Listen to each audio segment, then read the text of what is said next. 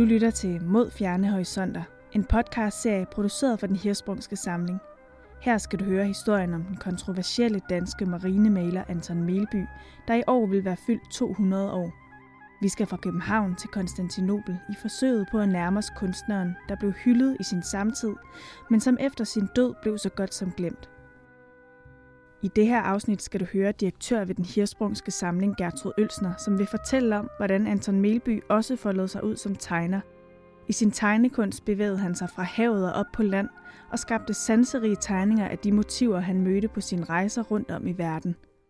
Det, der også er spændende i forhold til Anton Melbys ophold i Konstantinopel, det er, at han udover at han laver nogle spændende nye marinemalerier, han maler kystscenerne og alt den her anderledes arkitektur, han oplever, så begynder han også at udnytte sit talent som tegner derovre. Han tegner rigtig meget, og i de her tegninger, i hans skitsebøger, så går han jo også på land, kan man sige, og dyrker en motivkreds, vi ikke ser så meget maleriet. Det, som vi ser, det er jo i virkeligheden en kirkegård. Der er en masse gravmonumenter, vi har her, og nogle høje, strunke træer. Og i baggrunden, så har vi, kan man sige, ind til flere moskéer og nogle meget høje minareter. Så det er virkelig sådan, sådan en skyline ud over byen, som jo ser helt anderledes ud end det, som han ellers var bekendt med på det her tidspunkt. Så vi befinder os altså formentlig inde i Konstantinopel og kigger ud over sådan et kirkegårdsmotiv og ser nogle af de her sådan helt klassiske, kan man sige, bygninger i baggrunden.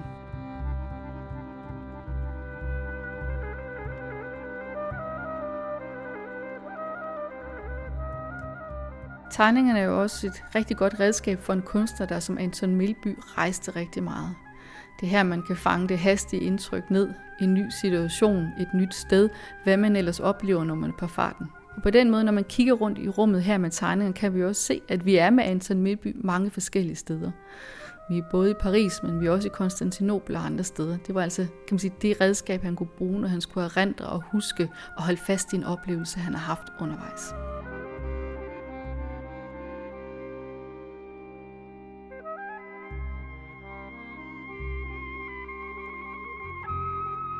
Anton Milby arbejder med myriader af forskellige teknikker. Han var aldrig bange for at prøve nyt. Man kan jo ikke som sådan sige, at tegning er noget nyt og overraskende, men se det sammenhæng med, at han gør en masse forskellige ting og prøver sig selv af i forskellige sammenhænge. Så det er ikke overraskende, at han faktisk også prøver det her medie af og behersker det bedre end de fleste, som man kan se.